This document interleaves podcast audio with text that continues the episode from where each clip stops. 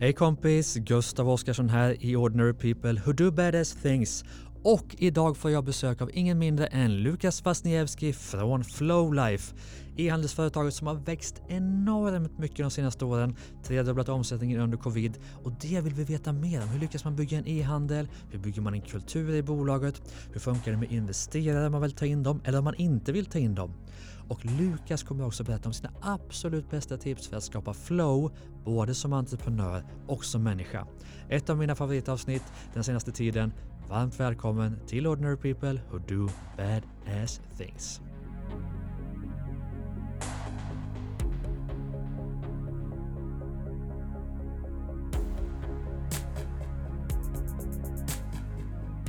Varmt välkommen till Ordinary People Who Do Badass Things, Lukas Wasniewski. Oh, tack så jättemycket och jättekul att vara här. Verkligen, och det är faktiskt andra gången du är här. Vi hade en inspelning som vi gjorde i höstas som där filen ja, inte blev som den skulle vara. så nu sitter vi här igen Ja, och lika taggade och glada och flowiga som då. 100 procent. För du har ju bland annat, eller det som du kanske är mest känd för, är att du har grundat och eh, är vd på Flowlife. Ska vi bara ta korta liksom två, två meningar, vad är Flowlife? Ja, jättekul. Flowlife är ju då mest kända i Sverige för våra massagepistoler som vi kallar Flowguns och att vi lanserar den första sladdlösa massagekudden på marknaden, Flow Mm. Pillow Heat. Så vårt mål är ju att göra återhämtning och massage enkelt och tillgängligt för alla. Mm. Och jag träffade ju dig i Almedalen typ första gången för tre år sedan. Mm. Och då, jag vet inte hur mycket ni omsätter, då, men säg att det var liksom så här 10-15 miljoner ish. Det gick ganska bra, ni var ute på mässor och körde. Liksom. Mm. Men det, det var ingen supersuccé. Och sen kom covid och vad hände? Nej, men, nej men det stämmer och hela bolaget grundades ju i att jag och tre vänner medan vi studerade Mm. eh, tyckte att det var otroligt att det inte fanns en sladdlös uppladdningsbar massagekudde. Så vi tog fram en. Eh, på något sätt lyckades vi lösa ett lån, vi lyckades få lite från Almi och eh, tack till pappa fick låna lite av hans pension när han precis skulle gå där. Mm. Och så lyckades vi köpa in en del produkter.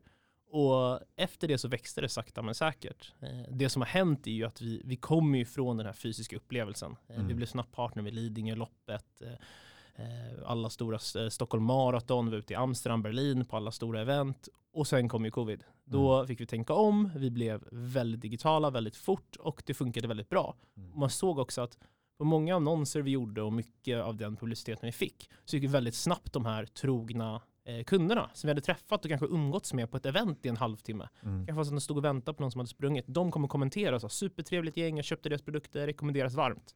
Är det något som är bra för ROASen på annonser så är det ju det. Och vad är ROAS då för de som inte vet? ROAS är ju return on ad spend. Det är hur Just det. mycket du får tillbaka på varje kronor du lägger in då i till exempel en meta-annons som det heter så fint nu. Facebook, det. Instagram. Men om vi tar innan covid, så, jag vet inte vad ni omsatte exakt då, men vill minnas att ni tredubblade omsättningen under covid. Ja, nej men vi gick ju nog, eh, ska jag säga så här, vi gick från strax över 7 Ja. eh, till 13,7 till 43 och nu förra året landade vi på 70. Ja. Så det har ju varit eh, några år som vi verkligen har lyckats, eh, lyckats vända seglet och fånga vinden. Mm. Eh, Och vi har ju fått, eh, det är ju en trend som går allmänt när det handlar om att få saker hemma till sig tillgängligt och enkelt. Mm. Och där har ju massage varit en sån sak. Eh, Mm. Man har varit på hemmakontor, man har kanske rört på sig mindre än man ska, man har inte velat gå till en massör eller naprapat. Mm.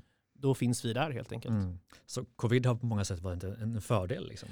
Ja. eller det har tagit ert bolag till, till en nivå där det kanske inte hade varit annars. Ja, och det är roligt för en av mina medgrundare skämtade liksom året innan så här, ah, inga mer events, vi har så mycket potential om vi också jobbar digitalt och Mm. pratade för det. Och vi var alltid så att vi ville jobba mer digitalt. Men sen åkte vi iväg varje helg, Mm. jobbade fredag, lördag, söndag på eventet, plockade ner det, åkte redan på torsdag, onsdag, vi skulle bygga upp hela eventet. Mm. Måndagen var vi ibland lediga för att man var ganska trött. Mm. Och sen på tisdagen skulle vi driva ett e-handelsbolag. Mm. Eh, när allting försvann och rycks under mattan för oss, då var vi tvungna att sätta oss och säga, okej, hur gör vi det här?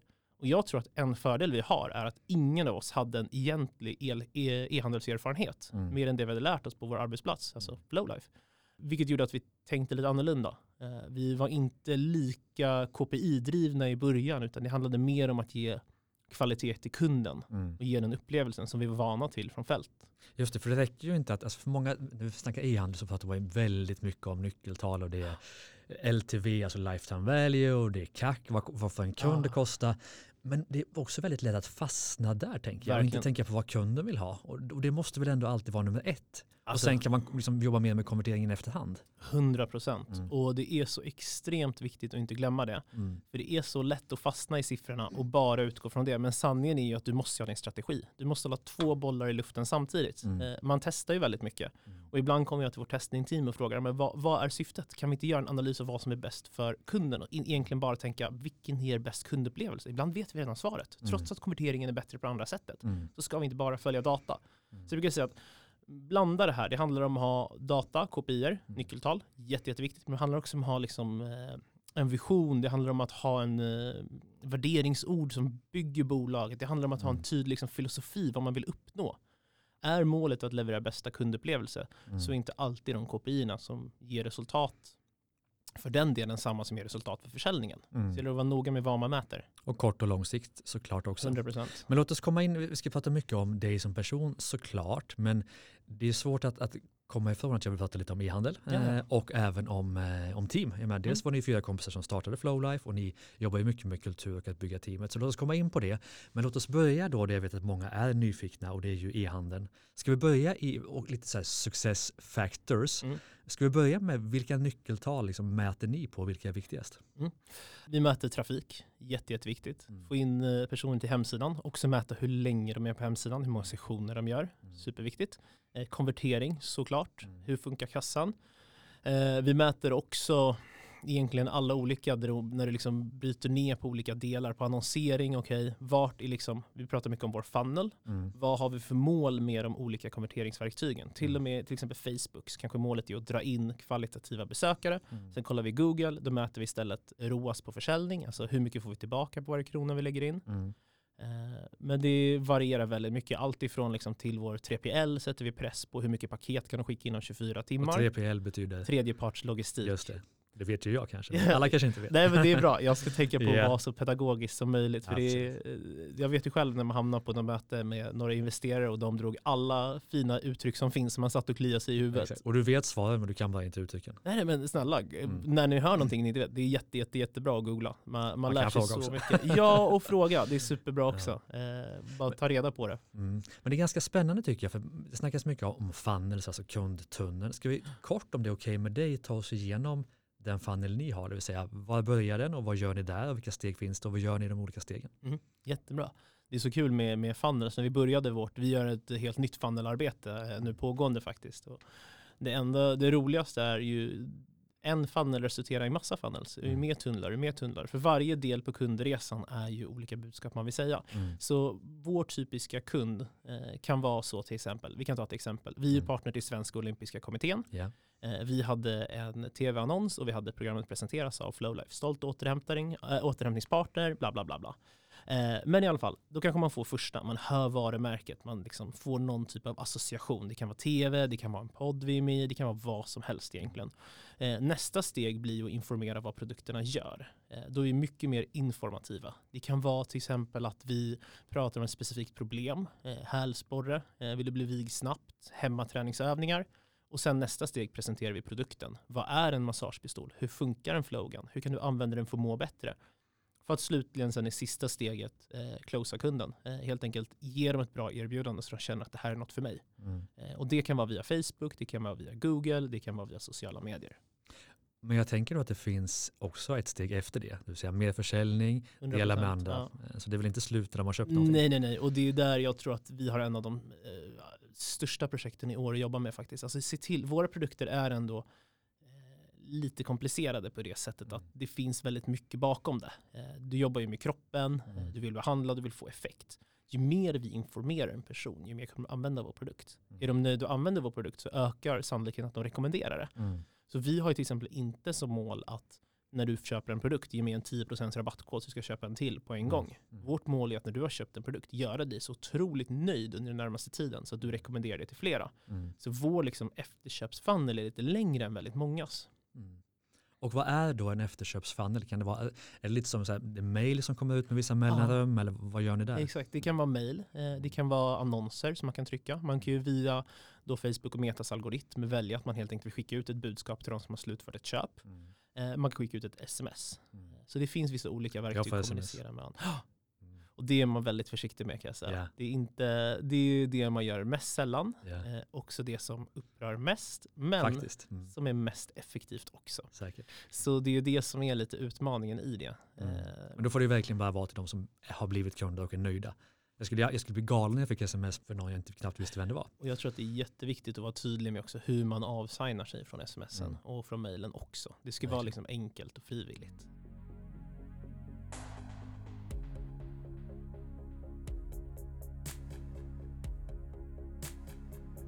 Men det du säger nu med kundresan och funnen, det, det är ju ganska basic ändå. Mm. Men hur får ni dem, hur får ni dem att, att konvertera från steg till steg? Det vill säga de har visat intresse och de har sett en, en, eh, en, eh, artikel om eh, ja, hälsporre kanske. Mm. Hur får ni dem då liksom att konvertera till nästa steg och sen till nästa steg? För det är den konverteringen som är den viktiga. Och, hur har, och har du några knep för att liksom öka den konverteringsgraden? Den är ju den är väldigt svår Mm. och väldigt viktig som du säger. Det Ja. kan ju dels vara att eh, vi har kört att man kollar, vi har till exempel en mer informativ video där man pratar om om ett specifikt problem eller hur massage fungerar eller hur våra produkter funkar och sen vill man helt enkelt att den personen som vi visar den för ska ha sett videon under en viss tid. Mm. Har de faktiskt kollat igenom videon i 40 sekunder, då Mm. kanske det skickas till nästa funnel. Mm. Eh, hur, hur skickas de dit? Det är väl ha så här 90 gritty liksom? Ja, nej, men då stänger vi av och på då. Eh, via, det går att stänga av och på via då Metas verktyg. Okej. Att, eh, de, de som kommer över där flyttas för en ny annonsering medan de stoppas. Så man väljer egentligen målgrupp och sen så tar man bort den andra målgruppen. Okej. Nu var det några månader sedan jag själv satt inne i verktyget Mm. men jag har satt och var ansvarig för oss förut och tycker det är väldigt intressant. Men hur har ni lärt er det? För jag menar, ni har ingen bakgrund inom e-handel. Har ni bara testat, testat, testat eller har ni läst på, sett videos, frågat andra? Hur har ni gjort? Ja nej nej, alltså det är roligt. Vi är, nu anställer vi precis fyra stycken till de senaste Mm. veckan. Eh, och av de fyra så är det faktiskt de första fyra som vi anställer som har jobbat med det de blir anställda för. A- Alla 25 som kom innan har bara blivit anställda på sina drivkrafter Mm. och att vi har sett potential i dem, vi har sett att de vill. Sen har man fått lära sig ett specifikt område. Mm. Eh, Som de kanske inte själva vet innan, och kanske inte ni heller vet innan Nej. vad det är. Och liksom två av våra anställda som var innan det, är två jätteduktiga som gör ett superjobb. Och de kom in på att helt enkelt de sökte en roll de inte eh, passade till, eller hade erfarenhet inom. Mm. Och sen satt vi och så tog massa luncher med dem. Jag tror det var på så två, tre luncher per person. Och till Ja. slut bara, vänta du hade passat i den här rollen. Och då liksom trillar polletten ner. Mm. Så ibland är det så att hitta en person som har bra potential, har bra driv, Mm. som man ser kommer passa in kulturmässigt. Och sen kan man se, finns det någon roll vi kan forma för det här? Och jag har en handfull människor som jag pratar med kontinuerligt som liksom har sökt jobb och stått på ett eller ett annat sätt. Men som vi kanske inte har en anställning till nu. Men vi Mm. håller kontakten, man bollar, man ser hur det är, håller dem lite uppdaterade. Och när det kommer, Mm. Då får man trycka av helt enkelt. Just det. Men låt oss fortsätta där om ett tag med, med kultur och Mm. människorna och teamet. Och gå tillbaka till e-handel, för jag är nyfiken på om du kan berätta lite, för jag tror folk är nyfikna på det, Ja. vilka verktyg ni använder för att bygga upp e-handel. Typ kassasystem, plattform det bygger på, Mm. eh, det vill säga system för att marknadsföra vad den kan vara. Ja, kul. Men vi, vi, vi kan ju säga att vi är i en transformation nu. Mm. Där vi egentligen uppdaterar och går igenom väldigt många av våra problem. Eh, eller problem, system heter det. Ja. Men system kan vara problem ibland också.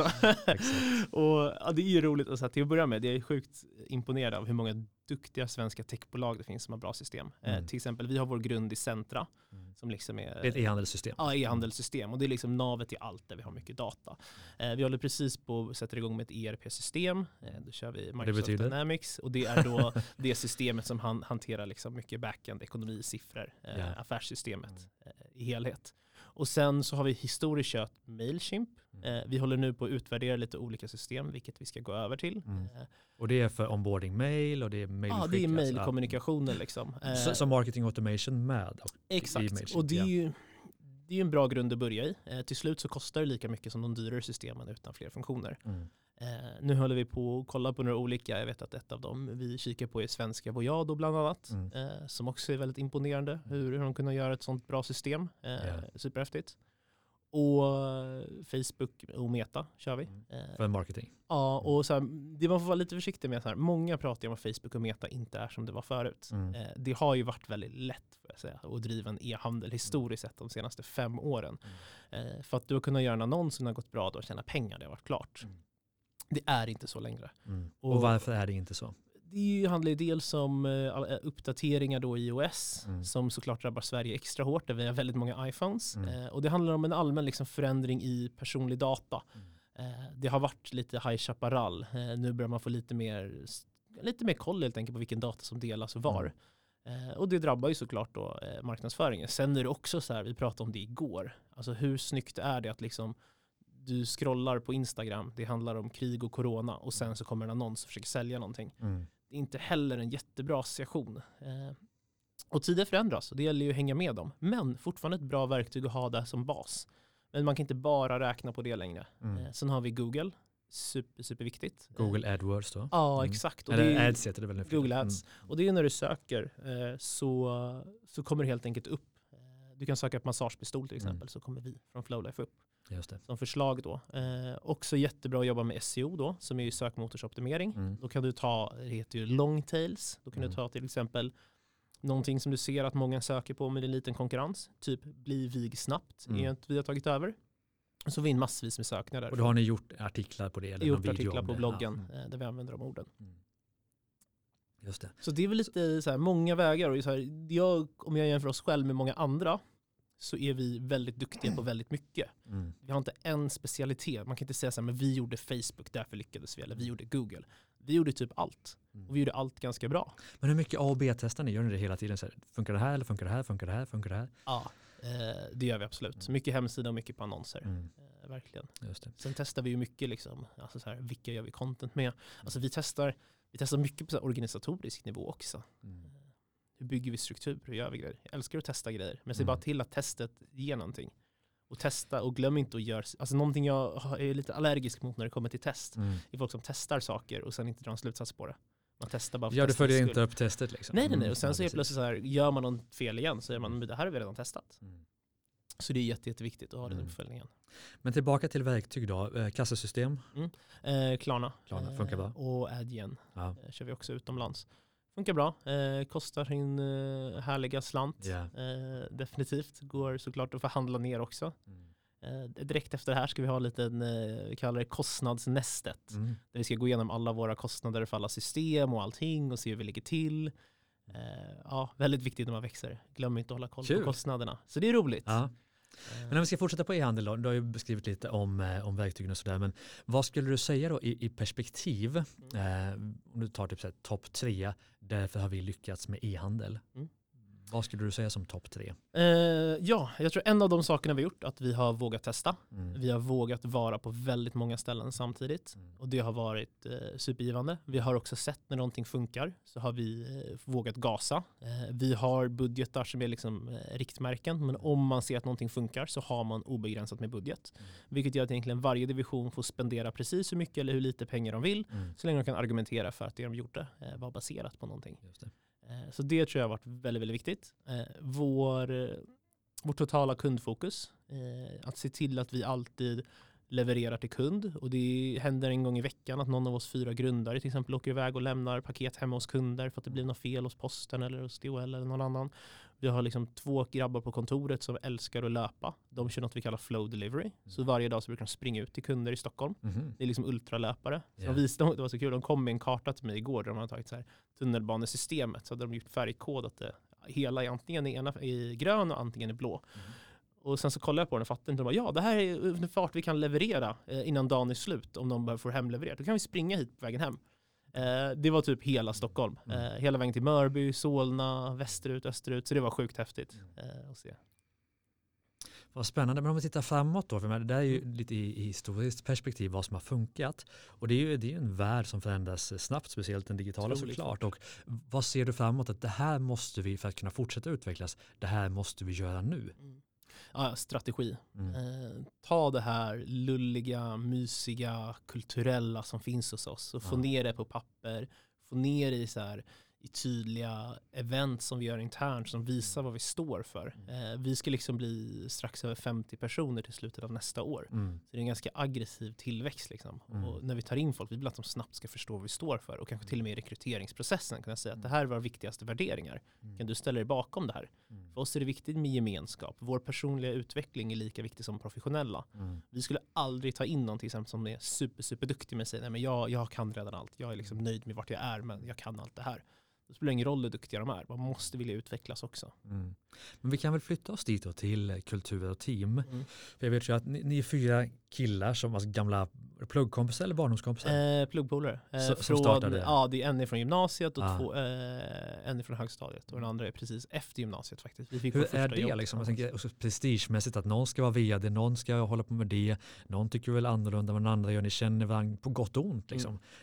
Vad är dos and don'ts med att starta företag Mm. med dem man känner? Eh, börja väldigt tidigt och prata om värderingar. Mm. Eh, väldigt tidigt säga varför gör ni det här? Vad vill ni få ut av det? Vilken ambition ni vill ha?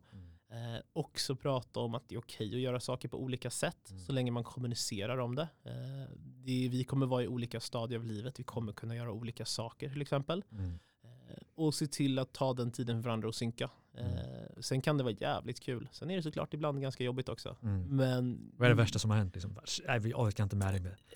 Nej, men alltså det är klart det har varit sina stunder liksom, Mm. som man har svurit åt varandra. Men Mm. jag tror att eftersom alla vi, det roliga är att så här, vi har alltid i princip jobbat ihop. Mm. Eh, en av mina kollegor då, Max, liksom, första gången vi lärde känna varandra var att vi satt på en företagsekonomikurs. Mm. Och han pitchade in till mig att vi skulle åka och sälja julgranar i gymnasiet. Ja. Så vi började sälja julgranar. En av de andra så var det ju så att vi, vi var på krogen precis efter gymnasiet och vi började snacka och han sa, ah, fan jag har inget jobb och jag hade precis fått ett jobb. Jag bara, "Ah, jag kan ju fixa jobb till dig som säljare på det här Mm. stället. Och så rekryterade jag honom och sen dess har vi i princip jobbat tillsammans. Mm. Så man har den här professionella relationen först. Och sen har vi Mm. olika ansvarsområden. Mm. Jätte, jätteviktigt. Mm. Fast det blir ändå ett väldigt starkt team, ni fyra tänker jag. Ja, Sen behöver man ta in en, två, tre, fyra, fem till. ja, Hur får man in dem i gruppen när ni är så starka från start? jätteviktigt. Och i början så rekryterade vi folk som i princip var bekanta eller vänner. Mm. Eh, och efter ett tag så började vi få folk utifrån. Och det var ju viktigt att få dem att känna sig delaktiga också. Mm. Så det får man tänka på aktivt. Mm. Och liksom se till, vi snackar ibland så här, man märker att vi går och tar lunch för mycket tillsammans eller att Mm. samma personer käkar med varandra hela tiden. Liksom pratar Mm. så här. Se till att så här, men, fan, vi vill ha en organisation där alla kan vara med varandra. Käka Mm. lunch med någon du inte brukar käka lunch med. Sitt Mm. med någon du inte brukar sitta med. Sen har ju alla fyra olika områden så vi jobbar ju ganska lite tillsammans nu om man ska vara helt ärlig på daglig basis.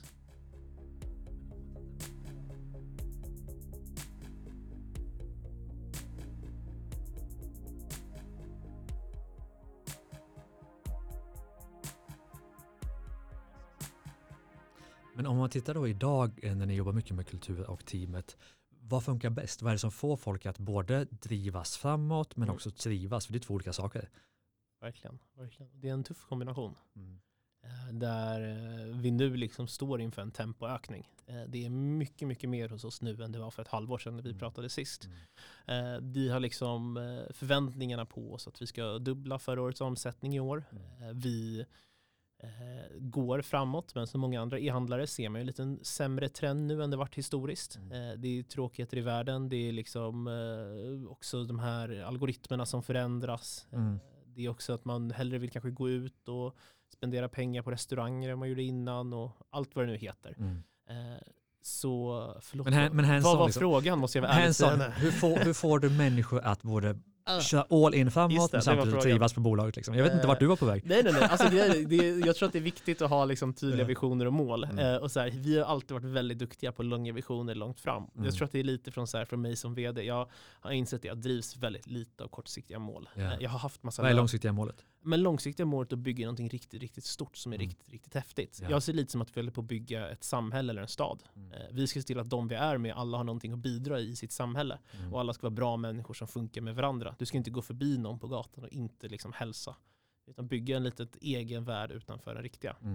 Mm. Men Så det är väl liksom till den frågan. Liksom. visionen. Vad, vad gör ni för att få medarbetarna att prestera Exakt, och och det mycket är ju att få med folk på visionen. Mm. Att vi vill göra någonting häftigt, vill göra någonting annorlunda. Ge människor en möjlighet att utvecklas i det de gör. Mm. Och sen har vi börjat men liksom så här, lägga roliga kreativa möten, kanske lite senare på dagen. Mm. Eh, så här, vid fyra, halv fem, då kanske man lägger ett möte som folk vill vara med på som är kul. Då Mm. slutar med att man sitter över. Eh, kanske gå och träna efter jobbet tillsammans. Eh, Då jobbar man inte aktivt men man snackar kreativt. Mm. Det är okej att sitta och snacka jobb på AWn så länge du snackar roliga saker. Mm.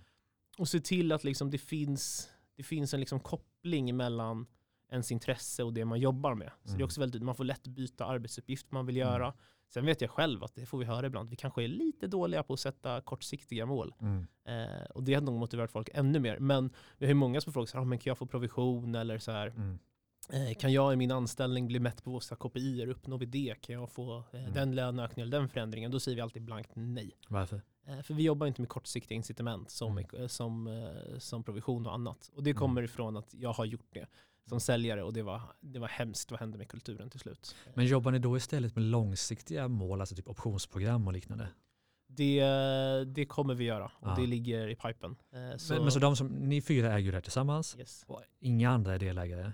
Än så. För jag menar, där borde det finnas något, om du vill driva mot något långsiktigt, att ha optionsprogram som faller ut efter, man har jobbat i fem år eller vad det nu kan Verkligen, vara. verkligen. Och det, det är i sin skapelse kan jag Mm. säga. Eh, Vi har eh, definierat hur vi vill göra det, vi fyra ägare, Mm. och har inte kommunicerat ut detaljer än. Ja. Och det är av den enkla anledningen att vi vill inte liksom säga hur vi ska göra förrän vi är helt 100%. Ja. Eh, Det, jag tror att det kan vara det mest omotiverande att inte få det Mm. när man förväntar sig det. Så vi var väldigt tydliga när vi liksom Mm. kommunicerar ut det. Mm. Men apropå då delägarskap och optionsprogram och sådär, och vi pratar lite kring, kring kapital. Eh, Mm. Jag antar att ni har fått propåer att eh, kanske sälja bolaget eller att ta in kapital, men ni har ju Mm. inte gjort det. Nej. Varför har ni inte gjort det? Ni skulle kunna men, alltså, växa förmodligen ännu snabbare om Ah, ja, nej, men lite, lite på grund av eh, att vi inte har haft riktigt behovet än. Och Mm. växa snabbare är inte det ena målet. Utan vårt mål är att växa så snabbt vi kan med den absolut högsta kvaliteten. Mm. Så om det finns en risk att vi växer snabbare än vad vi skulle klara av så Mm. kommer vi inte göra det. Och vi, sen, sen sist vi pratade, vi fick, vi, det är ju kul också så här, makten av en break-it-lista. Vi var Mm. på någon break-it-lista i november. Det var Ja. att vi var en av de snabbast växande e-handlare det året. Mm. Vilket var superkul. Vi är ju Mm. ganska low key media annars liksom och gör inte så mycket ljud av oss. Mm. Men då hörde ju alla de stora svenska eh, investerarna av sig. Mm. Både de som vill liksom köpa upp bolaget men också de som, eh, som ville liksom gå in med en mindre take. Mm. Och vi gick på ganska mycket möten, vi blev charmade såklart. Mm. Eh, Det, är ju, det är ju trevliga sammanhang man hamnar i och vi hade bra dialoger, vi fick några erbjudanden också. Men sen när vi liksom kom till kritan så insåg vi så här att till att börja med, det vi gjorde i den här perioden var dels prata med alla investerare. Mm. Sen så är det inte så svårt att googla upp vilka de har investerat i. Så vi Mm. pratade med väldigt många de har investerat i. Vad fördelarna var och nackdelarna. Vi hittade också ett bolag som har gjort eh, liksom, organisatoriska DDs, alltså due diligence, undersökningar av teamet. Så vi gjorde en på oss själva. Och så stod vi där och tänkte, wow, det här är någon som har kommit till oss, de vill erbjuda oss det här för det här. Men vi har allt det här vi kan bli bättre på. Vi ser Mm. till att bli bättre på det först. Så nu håller vi faktiskt på med en Och liten då snackar vi helt andra pengar, såklart. Ja, ja, och vi, nu håller vi på med en liten runda eh, som är, som är liksom precis det vi behöver för att köpa produkter. Mm. Och i samband med det liksom bygger vi team och gör oss redo. Så när, nästa gång vi gör en, om vi gör en runda så kommer det vara större och rejälare och så kommer vi se till att vi går ut i hela Europa samtidigt. Mm. Eh, för vi har, så här, liksom med optioner, jag har lite så här målbild av att alla som är med tidigt ska få en liten option. Det ska inte vara mycket. Men när vi är klara med det här så ska det vara tillräckligt mycket för att de ska kunna köpa sig ett hus för den Mm. optionen. Just det. Och med det sagt så betyder det att vi måste bli ett ganska stort bolag. Mm. Eh, Så målen är väldigt stora och omsättningsmässigt och försäljningsmässigt så är vi, eh, det vi har gjort i Sverige är det ingen som har gjort i, i världen eh, Mm. med vår produktserie. Vi har tagit en enorm marknadsandel. Om vi bara kan ta en bråkdel av det i resten av Europa Mm. så kommer vi vara ett väldigt, väldigt stort bolag. Mm. Så vårt mål är ju, är ju liksom bli den aktören som, som kan göra det Mm. och hitta liksom vår nisch i världen när det kommer till återhämtning. Och Mm. precis som liksom Dyson, har, vi tycker Dyson är väldigt kul. Vi, blir- vi snackar Dammsugare? Dyson, ja, Ja. vi blir liksom Dyson av massage. Mm. De flyttar luft. Det är egentligen det de gör. De dammsuger, de har hårfönar, Mm. eh, de har hårtorkar, Mm. de har luftrenare. Men de är bäst på det. Superduktiga. Omsättning för 8 miljarder dollar. Mm. Eh, enorma. Jo, för att de är väldigt, väldigt duktiga. Vi blir så pass duktiga på massage att man vet att det handlar om att behandla kroppen. Då är det Mm. Flowlife som gäller globalt. Just det. Men du tillbaka till investerarna, för det är ju Mm. dels tycker jag det är starkt att, att säga nej. Man blir ju säkert jävligt lockad. Det, det, peng, det liksom viftas med sedelbuntar och möjligheter och de ska gå in med kapital och kunskap och kontaktnät och allt vad det kan vara. Men, men hur tänker man då? Jag tror många är nyfikna på alltså, hur värderas bolag? Alltså, hur värderas en e-handel? Det finns ju inga svar. Nej. Men också just nu har det varit, i alla fall fram till för ett tag sedan var det helt sjuka värderingar. Ja, nej, nej, det, Hur, liksom, hur, hur, mycket, om jag ställer frågan så här då, hur mycket skiljer det sig på de som har kommit ena dagen och någon andra dagen? Eller är det liksom, finns det någon värderingsmultipel som alltid är sann? Nej, nej, det finns absolut ingen Nej. multipel som alltid är sann. Eh, det är helt på vad det förhandlar och så här, det finns ju värderingsmodeller som du kan kolla på där man Mm. liksom kollar på Vad snackar vi, så här, en- framgångsrik e-handel, hur värderas normalt en Ja, e-handel? men eh, exempelvis, det finns ju en som är värderingsmultipel baserat på omsättning. Ja. Då kan det vara, okej, exempelvis vi omsätter eh, 70 Mm. miljoner, du tar det gånger 2 till 4, 2 Mm. till 5 beroende på liksom hur generös man Ja. är. Men, Då kollar man mycket på så här tillväxtsiffrorna med såklart. Ja, och jättemycket på potential. Mm. För den hamnar ju kanske närmare 2-3 om du bara kollar på liksom det man har gjort hittills utan att ha potentialen i åtanke. Men ser man att det finns liksom tydliga steg som visar att det här kommer bli en succé på fler marknader. Mm. Exempelvis, det vad vi ska göra nu är ju, vi kommer lansera på väldigt många nya marknader. Mm. Så kommer vi komma att investera med proof of concept. Mm. Bara, här är våra siffror, så här gick det när vi gick in i Frankrike, Mm. så här gick det när vi gick in i Italien. Vi vill göra det här gånger 10. Mm. Det är precis som man gör i all typ av liksom risktagning. Man gör en kvalificerad analys. Mm. Den gör de. Och det är en speciell värld. Det är lätt att bli charmad. Mm. Eh, Man sitter där liksom med dem och så sitter de och berättar historier om andra och sen berättar de ja och sen kan ju ni få lite också. Ni kan ju sälja av aktier för ett par miljoner och så här. Mm. För en själv som aldrig har tagit ut några summor de senaste Mm. åren. Jag tror vi, när vi var helt nya tog vi ut så små pengar istället för lön. Mm. Men så här, vi, har, vi har ju liksom byggt upp kassan och gjort en vinst på 15 miljoner de senaste två åren. Inte Mm. tagit ut en krona av det. Det är ju klart det liksom påverkar den. Men sen tänker man så här, men vänta jag har ju en lägenhet, jag trivs, jag har fan renoverat den där lägenheten för Mm. ett år sedan, jag ska inte flytta därifrån. Nej.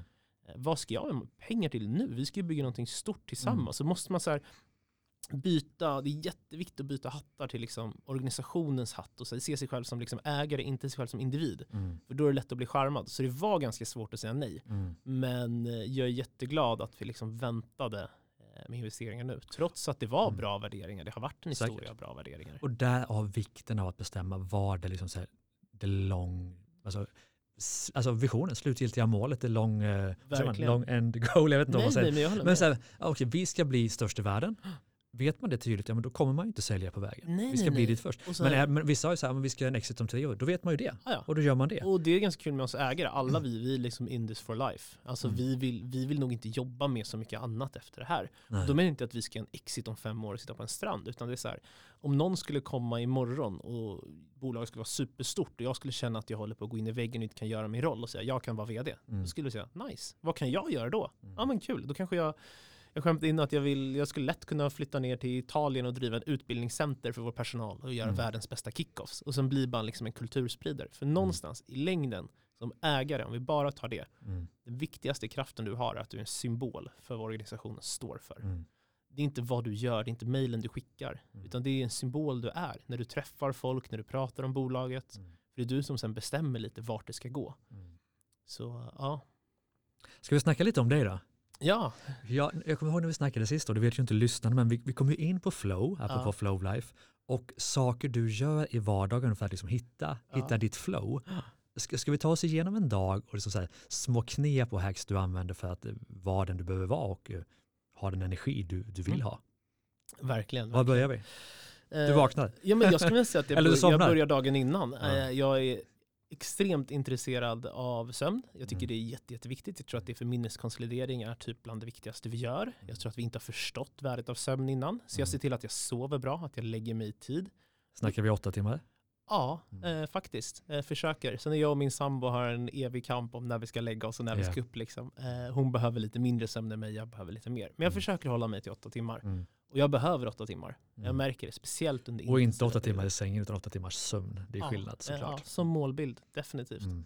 Det är kul, ibland, en av mina medgrundare vill ju alltid att vi ska liksom gå och göra grejer på morgonen, spela tennis som han Mm. brukar göra, han går och bastar och tränar. Jag säger nej, jag kommer inte komma in tidigare, jag kan stanna senare, jättegärna, Mm. men jag måste få sova.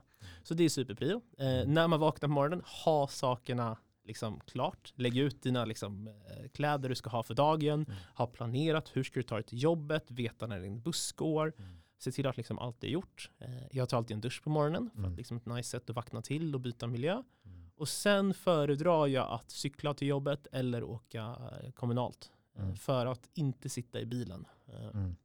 Jag tycker att om man vaknar, sätter sig i bilen och kommer till kontoret, jag är inte vaken då. Mm. Så i min drömvärld så cyklar jag. Eh, hoppas att det blir bra väder snart igen. Mm. Så man kan fortsätta med det. Jag brukar vakna med att svara lite mail. Brukar känna av min energinivå väldigt mycket. Känner att jag har lite lägre energi så brukar jag köra någonting som puffar upp min energi. Kanske mm. gå till någon som jag vet att jag kan ha en bra utmanande dialog med. Prata om något problem, försöka liksom skapa det. Och försöka att sitta så lite som möjligt vid datorn. Eh, förutom när jag känner mig motiverad till det. Mm. Generellt? Ja, alltså jag tycker att det, jag tycker att mail kan vara hemskt tråkigt. Mm.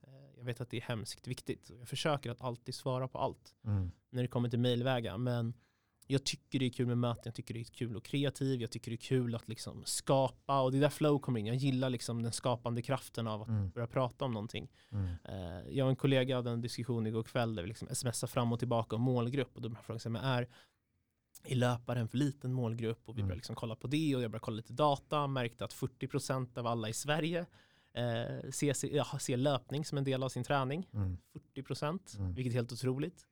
Eh, och då börjar man säga, men vänta, löpare är ju den perfekta målgruppen. Det är det här mm. vi borde fokusera ännu mer på när vi går utomlands. Eh, och liksom ha de här dialogerna där man utmanar varandra med olika synsätt. Jag tycker det är väldigt, väldigt intressant.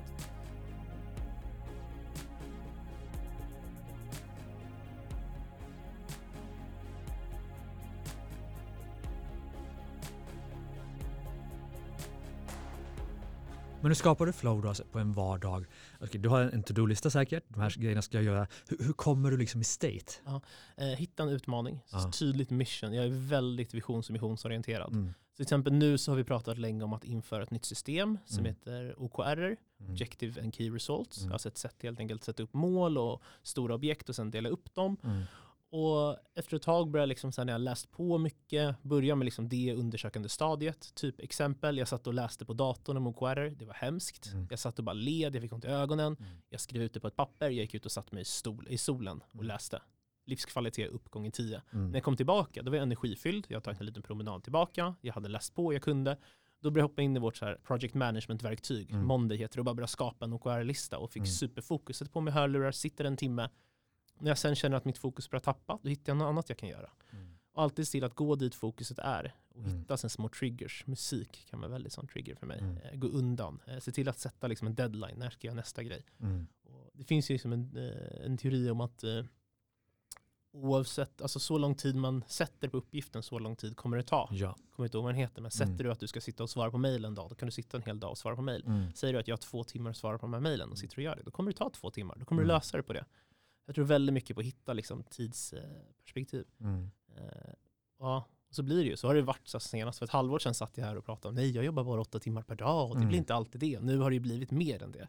Men jag ser till vad snackar vi då? Liksom? Nej, men alltså, jag jobbar väl liksom, jobb, jobbar väl åtta timmar per dag mm. om man ska kalla sig sitta vid datorn, och sen du tanketid. Liksom. Ja, mm. och sen så, så här, nu för förra helgen så åkte vi bort hela Eh, vi fyra ägare så tar vi en mm. hel helg tillsammans och liksom pratar. Vi kunde sitta och basta och prata mm. om vision. Liksom, och så här. Det är inte jobb. Liksom. Nej, men så här, och samma sak, stanna livet. på gymmet ja. och sitta och göra grejer och så här, alltså åka på så här roliga events efter. Alltså göra så det blir kul. För att så här, du, du, kommer inte sitta supereffektiv i datorn mer än de åtta timmarna. Så gör de här liksom, sakerna du måste göra. Och sen se till att du hittar sätt andra att jobba. Sen blir det ju så, har man deadlines, det är klart man måste sitta vid datorn ofta. Mm. Men jag brukar säga, gå, gå inte på 100% hela tiden. För då när något nytt kommer, då kommer du gå på 110 och sen kommer du bränna ut dig själv. Mm. Gå precis under din maxkapacitet så att du ändå mm. har energi. Så du är utvilad, så att du är 100. Och gör det bara, alltså, gör en aktivitet så länge det är kul. Ah. Sluta när det inte är kul ah. eller när du tappar energi. Ja, och sen frågasätt varför du gör ibland aktiviteterna. Mm, absolut. Men du måste tillbaka till din sömn. För ja. Du sa någonting sist, att du bara har lärt dig själv att bara lägga dig på höger sida, så är det var. ja. Och så somnar du på en gång. Ja, jag har ett litet äh, hemlig äh, sömntrigger i att mm. jag lägger mig i princip i framåtstupat sidoläge. Mm. Fast jag ligger liksom med magen ner, huvudet åt höger, handen under precis med kudden. Och liksom ut med höger arm. Och gör det så somnar jag väldigt, väldigt fort. Mm. Men hur har du lärt dig det? Alltså, hur har du fått kroppen jag, har nog, jag har nog associerat det med sömn. Ah. Alltså, det var något så konstigt min pappa sa, att man sover bäst när man sover på magen, sa han. Ah. Det bara satt sig i mitt huvud ibland sätter sig saker. Det är som min ja. storebror. Jag hade precis, eh, jag laddade ner eh, vad heter det, Gran Turismo 7-spelet och okay. sa han så här, det spelar ingen roll hur snabbt du kommer in i kurvan, det spelar hur snabbt du kommer ut i kurvan. Mm. Så varje gång jag tar en kurva så hör jag bara, spelar inte roll hur snabbt jag kommer in i kurvan, spelar hur snabbt jag kommer ut i kurvan. Och det kan ju vara helt fel. Ja, ja, Nej, men det, det är liksom så här, sådana saker måste, måste sitta bara. Mm. Har du några fler hacks, alltså både, både privat, träning, kost, alltså allt det som har med privata livet att göra eller businessmässigt som det här gör jag som jag Mm. uppfattar att det här, här är jag ganska unik. Ha kul. Eh, liksom se, precis, Det är väl inte så unik? nej, nej, nej, men så här, precis som du ser liksom en funnel för en kund, se en funnel för saker du gör. Mm. Eh, ibland så får jag ett problem från en kollega som måste lösas och då är Mm. sällan så vill jag liksom hoppa på problemet direkt för då har jag Mm. inte liksom allting runt. Då börjar man uppifrån, okej varför har vi det här? Och sen Mm. börjar man uppifrån liksom. Eh, alltså väldigt strukturellt och väldigt liksom visionärt. Varför ska vi göra så? Sen benar vi ner och då blir det helt plötsligt när vi kommer till problemet, då har vi redan löst det. Mm. För att vi vet liksom alla yttre förutsättningar. Så den metodiken tycker jag om väldigt, väldigt mycket. Eh, Kallas det någonting? Eller? Eh, vi kan kalla den flow-metodiken. Ja. Nej, Mm. jag vet faktiskt inte. Och det är mycket så, så som vi hittar på väldigt mycket. Mm. Eh, och det, det är väldigt, alltså hela vår organisationsstruktur är ju baserat på olika saker. Mm. Eh, hela vår så OKR-implementering är ju inte OKR, för det är flow-OKR. Mm. Vi har gjort om den lite och anpassat den till våra system. Eh, så konceptualisera saker så det blir kul. Mm. Eh, våga vara nördig Mm. eh, och ta ner i saker. Och glöm inte, så här, alltså förberedelser ger resultat. Mm. Eh, och någonting som jag som livsfilosofi, att så här, du vet inte hur saker kommer landa, så ta inte saker för seriöst, men ta dem inte heller oseriöst. Mm. Det blir som det blir. Mm. Och gör det du kan för att göra det så bra som möjligt. Du kan Mm. inte kontrollera allt, så det är ingen idé att bry sig om saker inte blir som det ska vara. Mm. Just det. Men du, vad, vad borde vi snacka om nu? För jag minns faktiskt knappt, eh, om jag ska vara ärlig, vad vi snackade om sist. Det var Nej. lite om det här med flow kommer jag ihåg. Men känner du så här, shit, det är entreprenörer som lyssnar, de vill bygga liksom coola bolag, coola liv. Vad känner du att det här borde vi snacka om? Det här skulle jag gå igång på att prata om. Men Jag, jag tycker väl lite så här, vad jag själv hade velat höra. Och Mm. så, jag träffade några gamla kompisar nu på senaste och en, en sa så här, ja men det är så jävla häftigt för du var aldrig så bra i skolan och helt plötsligt driver du värsta bolaget. Mm. Hur har det här gått? Så här. Mm. Och det vill jag bara liksom skicka ut till att så här, det du har gjort, alltså så här, du måste inte vara liksom något speciellt eller ha en jättehög kunskap eller ha kapital eller ha alla kontakter för att starta någonting. Mm. Börja med det minsta, minsta du kan göra. Mm. Och jag kommer ihåg när jag, liksom, jag pluggade på Chalmers som ändå är bra skola liksom. Mm. Jag skulle snart gå ut. Och några, några klasskamrater skämtade och liksom bara vadå, ska du hoppa av Chalmers för att sälja massagekuddar? Mm. Och det kan ju låta så jävla konstigt. Mm. Eh, Men nu i efterhand, det är det bästa beslutet jag har gjort. För Mm. att jag brann inte för det jag gjorde just då. Mm. Men någon gång så vill jag kanske jobba med fastigheter. Men Mm. kanske på ett annat sätt, för jag tycker ändå det är intressant. Mm. Eh, Men just det, våga tro på det du gör och ha en stor vision, men ta de små stegen dit. Mm. Det är superviktigt. Mm. Just det. Men du, tiden börjar ju eh, flyga iväg här. Det är ganska intressant förresten, det ska jag nämna, för ingen av er kunde ju någonting om e-handel när det startade igång. Nej, nej, nej, fan det måste man inte göra. Så, så man lära kan ju i princip starta vad som helst. Jag kan starta ett, eh, inte vet jag, hjärnkirurgupplägg. Liksom. Ja, ja, ja. Alltså tro inte att folk kan mer. Är det någonting Nej. så här jag har lärt mig i livet är att hur duktig jag var med att träffa folk. Folk är inte liksom obeskrivligt duktiga på någonting. Mm. Folk är så duktiga de är för de har lärt sig det de har gjort. Mm. Sett vad de har gjort. Och du kan också göra samma sak. Det kommer ta tid. Har du tid att lägga, gör det. Mm. Och börja tidigt, för då får du ett försprång. Eh, Jag är väldigt glad. Jag fyller 30 år och känner att jag känner mig väldigt trygg på företagande. Mm. Eh, Och det är jag skitglad för. Mm. För då, då har man kanske andra vänner eller bekanta som kommer vilja starta företag i framtiden. Då kan man hjälpa dem. Jag tycker det är skitkul. Hur noga är du, apropå flow, med vilka du umgås med? Väldigt noga. Eh, nej men jag, eh, min krets har ju blivit mindre de senare åren. Mm. Och så här, det är inte så att jag aktivt liksom exkluderar eller gör det, utan jag prioriterar vila, jag prioriterar familj. Mm. Och jag ser också till att så här, jag har många som jag kanske inte träffar jätteofta, men när jag träffar dem har jag skitkul. Mm. Och jag tycker det är extremt viktigt att försöka upprätthålla den relationen också Mm. med folk som så här, gamla vänner, man umgås inte på daglig basis, men när man Mm. ses har man skitkul. Mm. Och att vara okej med det. Mm. Att inte ha den här stressen med att man missar grejer, FOMO. Så här, är det två råd jag skulle ge när man ska starta bolag? Mm. Ett, ha inte FOMO. Du kommer att vara tvungen att missa saker för att komma dit. Mm. Två, som vi nämnde innan, drick inte för mycket alkohol. eh, du kommer bli seg, trött och jävlig. Ja. Eh, och i år fyller, jag är ju född 92, Ja. så i år är det mycket 30-årsfester. Så jag ska Ja. försöka att eh, hålla mig så bra jag kan.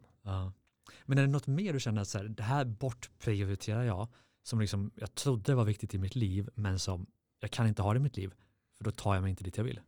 Jag tror faktiskt inte jag bortprioriterat någonting helt. Och det, Nej. det var roligt, där kan man ta lite, vi jobbar mycket med idrott och många Mm. fotbollsspelare ibland när man är ung säger man jag kan inte gå på balen för att jag ska spela fotbollsmatch. Tvärtom, du Mm. måste göra saker. Mm. Gör dem bara inte så jävla ofta. Mm. Alltså det är okej att gå ut och dricka, även Mm. om du är atlet eller person. Det är okej att käka hamburgare med liksom. Ja, Någon gör, gång. inte, gör inte bara Ja. varje vecka. Mm. Utan så här, prioritera och se till när du gör att du njuter av det. Så här, jag går inte ut längre för att jag tvingas gå ut. Det är en sån grej. Jag går bara ut om jag verkligen är sugen på det. Mm. Eh, och gör grejer. Mm.